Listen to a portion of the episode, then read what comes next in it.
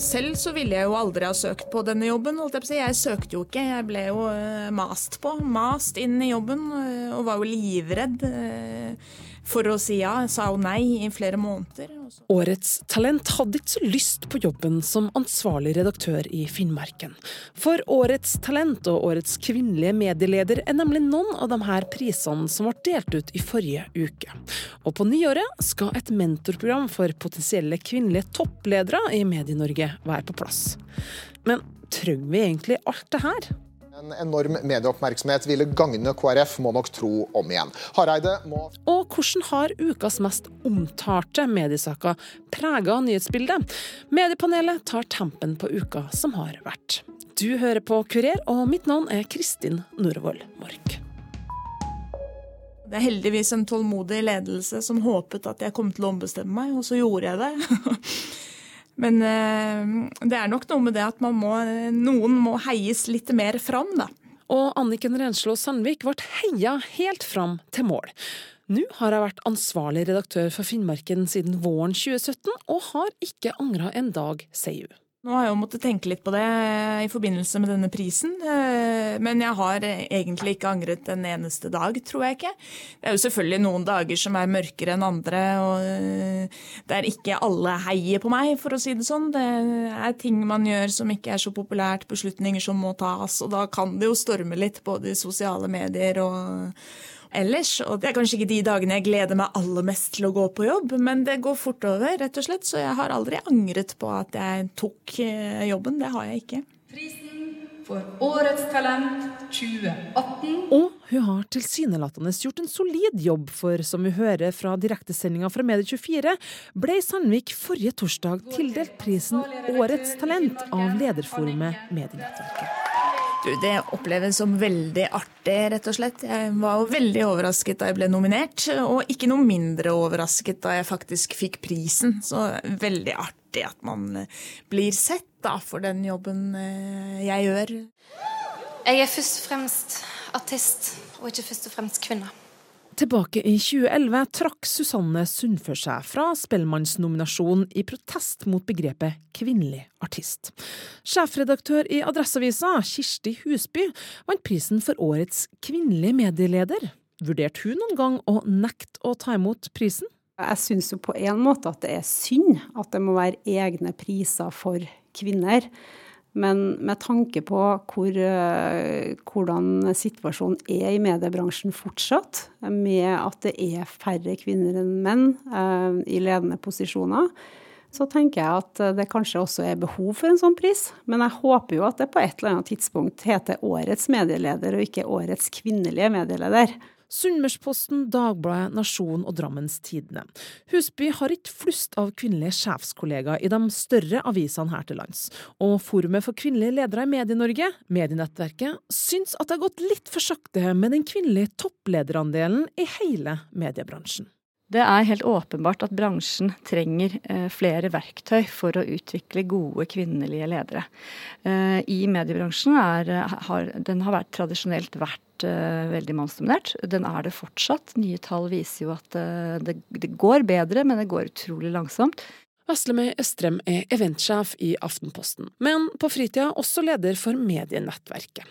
Det 20 år gamle lederforumet som deler ut de her prisene, kom også med nyheten om at de skal starte opp et mentorprogram for potensielle toppledere i mediebransjen, med hovedfokus på kvinner. Det er for alle som har et lederansvar i en mediebedrift. De som da ønsker å ha ett år med mentoring for å utvikle seg som ledere, de kan søke. De må bare avklare det med sin leder. Og så kommer det til å være lav egenandel, fordi konsernene og MBL går inn med finansiering, sånn at det er en dugnad på tvers av bransjen å få til dette programmet. Så det skal være til, tilgjengelig for alle som da har et ønske om å utvikle seg, og har ambisjoner om å, om å ha en, eh, få mer ansvar. For medienettverket har fått med seg bransjen på dette treårige prosjektet. Når vi nå skulle se om mentorprogram var en ting vi burde tilrettelegge, så tok vi kontakt med konsernlederne i de aller, i aller fleste konsern, mediekonsernene.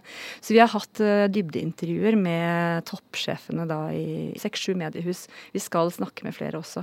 Det vi ønska, var å høre hvordan jobbes det nå med mangfoldsarbeid i, i mediene. Uh, har man de verktøyene man trenger? Ønsker de at, vi, at det skal være andre verktøy? Og, og er dette høyt på agendaen? Det har jo vært et spesielt år også i mediebransjen. Etter metoo så, så var jo mediebransjen en av de bransjene som faktisk ble trukket fram, og hvor det, det kom en oppvask. Det kom eh, mange stygge historier. Dette var en eh, helt åpenbar vekker for, eh, for mediene og for topplederne i disse konsernene. Man ser i undersøkelser også at, at kvinner i mediene de de har lederansvar, men de kommer, de stopper opp når man nærmer seg toppen. Det disse konserndirektørene var veldig tydelige på, var at de var ikke fornøyd med sin egen innsats på dette feltet. Og de etterspør nå egentlig hjelp, flere verktøy, konkrete, konkrete mål for, for sine virksomheter. Og jeg tror at de dette er kommet høyere på agendaen i, i, fleste, i de fleste mediekonsern. Og så kan man si at eh, det hjelper jo ikke hvis man ikke gjør noe. Det å ha noe på agendaen betyr jo ingenting hvis ikke det skjer en endring. Så det blir jo spennende å se om, eh, om denne nye bevisstheten faktisk fører til endring. Nå har det jo faktisk også skjedd en endring bare de siste månedene. fordi tre nye mediekonsern har fått kvinnelig toppsjef. Man har gått da fra én til fire kvinnelige toppsjefer i mediekonsernene bare det siste året. Men er det nødvendig med et slikt mentorprogram for kvinnelige ledere? Etterspør virkelig bransjen det? Jeg ringer Polaris Media. Jeg er jo heldig nå at du, at du ringer nå. For hadde du ringt for to år siden, sant, så hadde det vært fire. Hadde vi ligget godt under 20% f.eks. rundt mediehusene våre. Per Aksel Kokk er konsernsjef i Polaris Media, og kan fortelle at i ni av sine 29 små og store mediehus har de nå kvinnelige redaktører. Men måltallet for konsernet på 40% er det de ønsker å oppnå for sitt konsern så snart som mulig. Vi har en uttalt strategi om at eh, vi skal ha minimum 40 i, i de forskjellige lederrollene som vi har. Og Vi er på vei til å, til å nå det, men vi er ikke helt i mål. Men det har vært en positiv utvikling. Men det kan være sånne ting som at vi har stor lederkonferanse osv. Så også, så prøver vi å gjøre det slik at det er like mange kvinner som, som holder innledning som menn, og tenker gjennom det. Og jeg vet også at for I et mediehusene våre så er vi jo veldig opptatt av f.eks. mannlige og kvinnelige kilder også. Og det følges opp, for dessverre så er det fremdeles slik at det er ganske mange flere mannlige kilder enn kvinnelige kilder. Så det, det henger liksom sammen alt sammen at vi må være bevisst og sørge for at også kvinnene eh, får vise frem og kommer til syne osv. vi må liksom bare prøve å bidra til det så godt som vi kan. og Hvis vi gjør det, så er jeg helt sikker på at dette kommer til å, kommer til å løse seg over litt tid. Og Polaris Media stiller seg positivt til et sånt mentorprogram. Det tror jeg er bra. For at, uh, igjen så kan man måtte lære andres erfaring, eh, kan få innsikt i andres erfaring osv. Også for det er klart det å ha en lederrolle er, er krevende, og det, det, er mye med det også. Men det er klart at det å ha noen å snakke med og og tenke på hvordan man skal få det til, og ikke minst ha trygghet i lederrollen, så, så mener jeg at det å ha en sånt mentorprogram, det, det, det, kommer til å, det tror jeg er viktig. Og jeg tror at eh, det er et, en av de mange ting vi må gjøre da, for å, for bidra til at vi, at vi, får opp mange kvinnelige kandidater da, til, til lederstillinger. Kokk støtter altså mentorprogrammet, men prisutdelinga til medienettverket er han litt mer kritisk til. Den, den, prisen er jo en anakronisme altså, i, i 2018. Altså, den hører på en måte ikke hjemme da, som, som årets kvinnelige medieleder. Men den er veldig viktig for det at det er en veldig sånn flott rollemodellpris. Så når du får frem Kirsti Husby og Tove Nederberg og Helje Solberg osv. også, ikke sant, som på en utrolig god måte har kombinert det å være mor og, og, si, og ha familie og karriere og vise at, at det går an, og at, det, at, at, en, at en virkelig får det til. Og da syns jeg at det er flott å få frem eh, på si også kvinner i den rollen som, som, er så flinke og så dyktige og som gjør en så god jobb men som også har andre forpliktelser enn bare å sitte på jobb. ikke sant?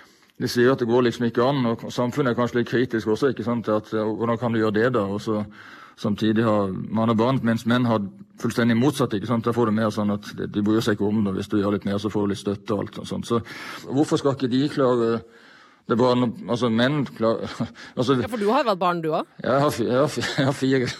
Ikke sant? Har du fått mye spørsmål rundt det? Ja da. Jeg hadde delt omsorg. To, ja. ja. Vi begynte med delt om. Da jeg var to måneder etter jeg var blitt administrerende. ikke sant? Ja. Og da bestemte jeg meg for at dette her skulle, vi, dette skulle gå, og det har gått aldeles utmerket. Så, da, så, så det, det, er liksom sånn det er, det er noen myter her som vi må knekke òg. At, eh, at, det ikke er mulig, for det er mulig. Og toppsjefen i Polaris Media blir litt oppgitt når han ser hvor få søkere han får når han utlyser sjefsstillinga i konsernet. Når du går ut og søker, så kommer du med en liste hvor du til slutt sitter igjen. Liksom. Hvis du har ti igjen, så er det åtte menn og to kvinner. ikke sant? Så er det veldig ofte det som er realiteten, at det er mange flere menn som søker disse jobbene, eller som sier, gjerne vil ha de, enn kvinner. Det er veldig ubalanse i søker, søknadsmassen. Og Det er jo en utfordring, ikke sant? for vi er nødt til å ha den beste i disse stillingene. ikke sant? Og Da er det mange kvinner som ikke søker, som burde ha søkt. ikke sant? For det er jo ingen grunn til at det skal være flere menn enn kvinner. Prisvinneren Anniken Renslo Sandvik måtte mases på for å søke på sin stilling. Hva er hennes beste tips til andre mediedamer som kunne tenkt seg en lederjobb? Først og fremst kanskje si ja, eh, tror jeg, til det ansvaret man blir tilbudt underveis. Tørre å tro at når noen andre ser at vi er gode nok, så kan det hende at det stemmer, og at eh, det er lov å prøve. Og så er det jo kanskje også greit å ikke være så redd for å feile. For det er jo noe med det at hvor gærent kan det egentlig gå? Det tror jeg nok vi er litt flinke til å eh, se for oss et sånt krisescenario med at dette her går skikkelig dårlig, og hva skal jeg gjøre da? Men stort sett så går det jo ganske greit. Og Adresseavisens Kirsti Husby stiller seg bak Sandviks oppfordringer. Kvinner må ville sjøl og ta initiativ. Skal du bli toppleder, så kan ikke du bare sitte og, og, vente. Du må faktisk vise at du vil, eh, at du er motivert og at du ønsker å oppnå noen ting. Altså, har du lyst, så gå for det. Det høres veldig enkelt ut, men, men eh, det er ganske viktig at man ikke tenker på alt man ikke kan, men heller kanskje tenker på det man faktisk kan, det man kan bidra med. Eh, så det er jo rett og slett søk på de jobbene som du mener at eh, du tenker at her kan jeg få til noe i. Eh, ha litt eh, selvtillit på det. Ehm, og meld deg på. Det tror jeg egentlig er det beste rådet. Prisvinnerne har klare utfordringer til dagens potensielle toppledere i Medie-Norge.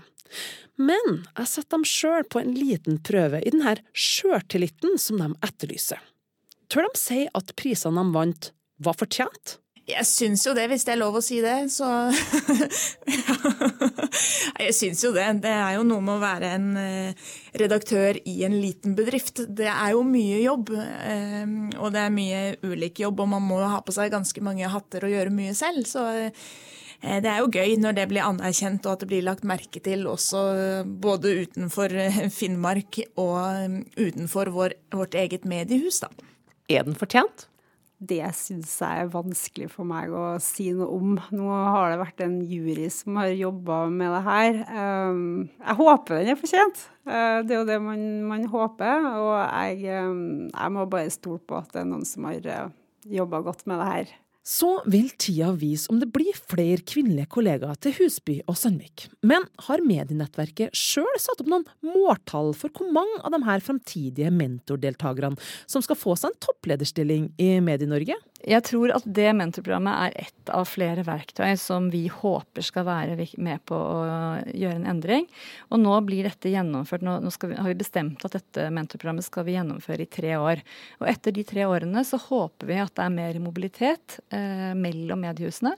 Det er jo også derfor vi ønsker å etablere dette på tvers, for vi tror at at det kan være lurt å, å, å av og til se seg, se seg, om etter en jobb i et annet mediehus enn der du kanskje er akkurat nå.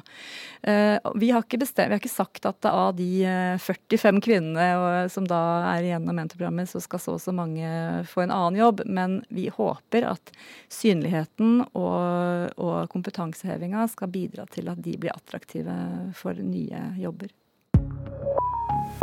Det er helg, og vi skal se tilbake på nyhetsuka som har vært. Og derfor har vi fått hyggelig besøk her i studio, der vi begynner med et enkelt spørsmål til dagens mediepanel på en skala.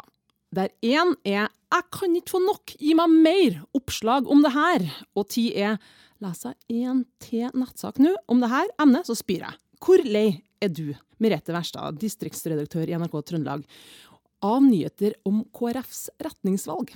Vet du, Jeg er en politisk nerd, og jeg syns det er så artig at politikken har blitt løfta opp i de dimensjoner, så jeg sier tre, altså. OK, såpass, ja. Eh, ok, Hvor på skalaen vil du plassere deg, Terje Eidsvåg, kulturkommentator i Adresseavisa? Ja, Ikke noen politisk nerd, men jeg følger jo det her av både plikt og interesse. Men eh, jeg vil si seks for min del. Ok. Redaktør i gatemagasinet Sorgenfri, Vanja Skotnes. Én eller ti? Eller midt imellom? Du, jeg legger meg på én, nå. Oi. Det gjør jeg. Mm. det var overraskende, men eh, vi har faktisk fått tall fra analysebyrået Retriever, som har på forespørsel fra Kurer eh, utarbeidet en liste over de mest sentrale nyhetssakene denne uka. Og det var ingen overraskelse at den mest omtalte saken i Medie-Norge og Nyhets-Norge denne uka er KrF. Og eh, Merete, du som representerer NRK kan vi rettferdiggjøre denne voldsomme mediedekninga som denne saken har fått denne uka? Ja, vet du, det syns jeg. Um, du, jeg var så stolt NRK-er uh, sist helg, da forsida til nrk.no bare teppela og sendte direkte fra fem ulike fylkesårsmøter, løfta fram lokalpolitikerne. Ehm, særlig fordi at vi nå har hatt et år med litt vel mye fokus på privatlivet til politikerne, for ikke å snakke seksuallivet. Og da tenkte jeg yes, nå handler det om retning, ideologi. Eh, og man fikk løfta fra mange flotte lokalpolitikere. Ja, Men eh, Terje, eh, vi er ikke akkurat overbemanna i norsk presse. Likevel så virker det litt som vi springer i flokk her. Er det fordi at folk hjemme bare lengter etter å få live oppdatering fra Hedmark fylkesmøte, eller for at det er så viktig? Det er nok at det er en eksepsjonell, eksepsjonell situasjon og en maktkamp som utspiller seg. Men jeg litt i, også har litt andre tilbøyeligheter enn Merete her. Da var uka her hvor jeg skulle se på en, en dokumentarfilm på NRK2 om ekstremisme, og så havner jeg midt oppi noe som ser ut som den politiske nerdeutgaven av Ex on the beach med kaffe og fyrstekake. Og, og, for meg så ble det også Da kjente jeg at nå begynner jeg å få kvoten. Mm. Eh, Vanja, du representerer jo kanskje et litt annerledes tidsskrift hvis jeg får lov til å si det. Eh, hva skulle du ønske fikk mer medieomtale denne uka, som, i stedet for nok en sak om KrF og Hareide? Du, det er jo mange saker som har kommet i skyggen av denne saken, men hva som skulle ha fått mer medieomtale? Nei, Du har jo vært opptatt med å faktisk følge med på det her. Eh, mm. Kommer du til å være like klar for mer KrF neste uke? Ja, altså det er jo, eh, som jeg har sagt, en veldig viktig sak for landet vårt også. ikke sant? Så ja, absolutt. På andre side så vil jeg si at hvis valget var mellom mer KrF og mer Trident Juncture, så ville jeg faktisk foretrukket mer KrF. ja, eh, det skal jeg være Det i betryggende. Ja. ja, for det eh, går til neste punkt på lista. Merete, hvis du skulle tippe hva som er den mest, nest mest omtalte mediesaken i Nyhets-Norge denne uka, hva ville du tippa da? Jeg ville faktisk tippa Trident Juncture. Juncture, Juncture, som er så vanskelig å si òg, da. Vi kan kalle det Nato-øvelsen. NATO ja, hvorfor eh, jeg tenker på liksom Har norsk presse greid å være noe annet enn et uh, positivt mikrofonstativ for uh, Nato? Ja, altså, den Nato-øvelsen den er jo dekt opp og i mente, man har liva. Det har vært masse ressurser som er satt inn på å dekke den saken her. Adressa sendte jo live. og men så er det en annen side av saken. altså Motstand mot Nato-øvelsen har jo vært like flink til å dekke det. Det lurer jeg på. For meg så ser det ut som dekninga har vært veldig sånn uh, tilpassa de ulike mediene og regionene. Uh, for eksempel så er jo noen av de som har dekket det her tettest, det er en del av lokalavisene i det området hvor øvelsen foregår. Og så ser du litt annet spenn. Jeg syns det er interessant at Klassekampen har dekket det her mye mer enn til og med mer enn Aftenposten. VG har gjort det mer enn en Dagbladet. og så har det jo vært sånn tilløp til kritisk journalistikk òg, men jeg syns en av de mest interessante sakene jeg har funnet, var fra Bergens Tidende som gjør meg oppmerksom på at eh, Norge er det eneste landet som har Nato-øvelser i skog og mark, mens eh, de fleste land foregår dem i, innenfor militære områder. Eh, det var et perspektiv som jeg ikke har fått med meg i den ellers massive dekninga. Og Vi i NRK vi fikk jo masse kjeft fordi at vi laga show ut av dette slaget på Byneset. og så Derfor så var det veldig viktig for oss i NRK at vi også setter kritisk søkelys. da. Så Derfor fikk vi fram eh, også de motstanderne som var imot det. De fikk lov til å skrive ytring eh, på nrk.no. Vi laga reportasje på det. Men lell så er det klart det blir litt vel mye kuler og krutt. Men det er mulig jeg er feil kjønn nå, da. Jeg bare tenker at men, men jeg tror det er en tradisjon i norsk Når jeg, når jeg starta som ung journalist, uh, hadde kveldsvakt og det var Nato-øvelse, så fikk jeg beskjed om at uh, fra vaktsjefen at jeg ikke burde ha dekken fordi at jeg hadde avkjent siviltjeneste. Uh, ergo, de som hadde vært i militæret eller til jobba der, var mer habil, mer uavhengig. Og noe av det tror jeg litt henger igjen, at, i hvert fall i deler av dekninga, at det er, det er noe innforstått med det her militærøvelsedekninga som jeg fortsatt sliter litt med å forstå. Men så har det også vært mange andre morsomme og interessante typiske sånn lokalavisreportasjer. da. Men jeg blir, får jo også litt fnatt av de her navnene. da. Trident Juncture, Cold Nato-øvelsene høres ut som sånn kasserte Schwarzenegger-filmer fra 90-tallet alle sammen. Og der har jeg funnet en favoritt, nemlig i 1954 så het den Polar Mist. Den filmen skulle jeg gjerne ha sett. ja, men Blir det for mye sirkus, eller greier vi å holde det seriøst? Det er jo en ganske seriøs øvelse? Ja, ja, for jeg tenker jo også at det er viktig at uh, det norske folk får se hva skattepengene deres går til. Uh, at uh, Å få lov til å se de flyene og de tanksene. Så jeg forsvarer at vi i NRK viste fram det. for det handler jo også om å ta en stilling sjøl til Syns vi at det er greit å, å bruke så mye penger på Forsvaret? Så det syns jeg er veldig OK. Men jeg er jo enig i det at jeg syns det er veldig OK også å ha den vinklinga at for mange lokalsamfunn så betydde det veldig mye. Jeg ble veldig glad i den reportasjen som vi laga i NRK om, eh, på Oppdal, der de har etablert en hamburgersjappe midt på en åker. For hva ville amerikanerne ha? Jo, de ville selvsagt ha hamburger, og tjent masse penger. Det er bra gründervirksomhet. Mm. Vi må gå videre på lista vår, for eh, til slutt, på en klar tredjeplass, eh, så har det jo vært oppsetting av eh, den årlige høstkomedien 'Sør-Norge blir overrumpla av hvitt, kaldt og vått værfenomen'. Nordlendingene flirer, søringene fortviler, og journalistene iler til åstedet. Vi kan ja snart dele ut et ferdig manus og replikker, så det er jo ganske forutsigbart, det her, uansett hvor mye det advares i forkant. Og vi som sitter her i Trondheim, hadde blitt like mye dekning om eh, snøen plutselig datt ned her i byen? Altså, det, det, det tror jeg ikke. Eh, nå har jeg også bakgrunn fra Finnmark eh, Dagblad. Og der oppe sitter de jo og flirer litt av søringene når snøen først lander i, i Oslo og omegn. Um, og har jo vært med og dekt ganske Det er jo veldig værhardt område med lokalsamfunn som blir isolert og hele pakka. Vi har liva eh, med brøytesjåføren eh, over vidda fra Alta til Hammerfest. Så ja. ja nei, mm. er svaret mitt på spørsmålet. Men, er det her norsk presse i et nøtteskall? Værnyheter kun trumfa av krig og potensiell regjeringskrise? Ja, Terje, du nikker. Hva... Ja, jeg, tror det er feil med å bli et sånt skisma i Norge. Litt, det er jo mye sentrum-periferi. At eh, alle som ikke bor på Østlandet, syns det er for mye om været i Østlandet og for lite om været der de bor. Sånn, eh, men det, det, som har skjedd de siste par årene, er jo at man har fått en, eh, også en, visse linjer mellom vær og klima, som gjør at værjournalistikken vær, har fått noen andre dimensjoner som gjør at det ikke er like mm, lett å le av den hele tida. Men der er vi nok vi oss, oss selv mest lik, og mer og mer lik for hvert år som går, tror jeg. Mm. Enig med Terje at det er veldig sånn uh, urbane mot uh, perifere. Men la meg sitte i, i Trøndelag da, og kan fly litt av snøen på Østlandet, så må vi heller ikke glemme det at de fleste folkene i Norge bor rundt Oslo.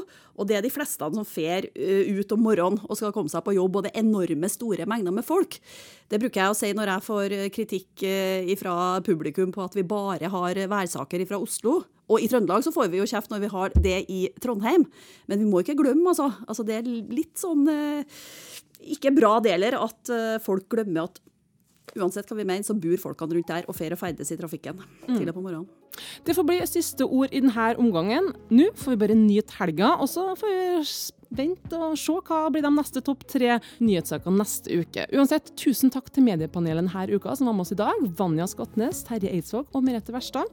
Tekniker var Lars Erik Erskår Ringen og produsent Randi Lillealteren. Mitt navn er Kristin Norvoll Mark.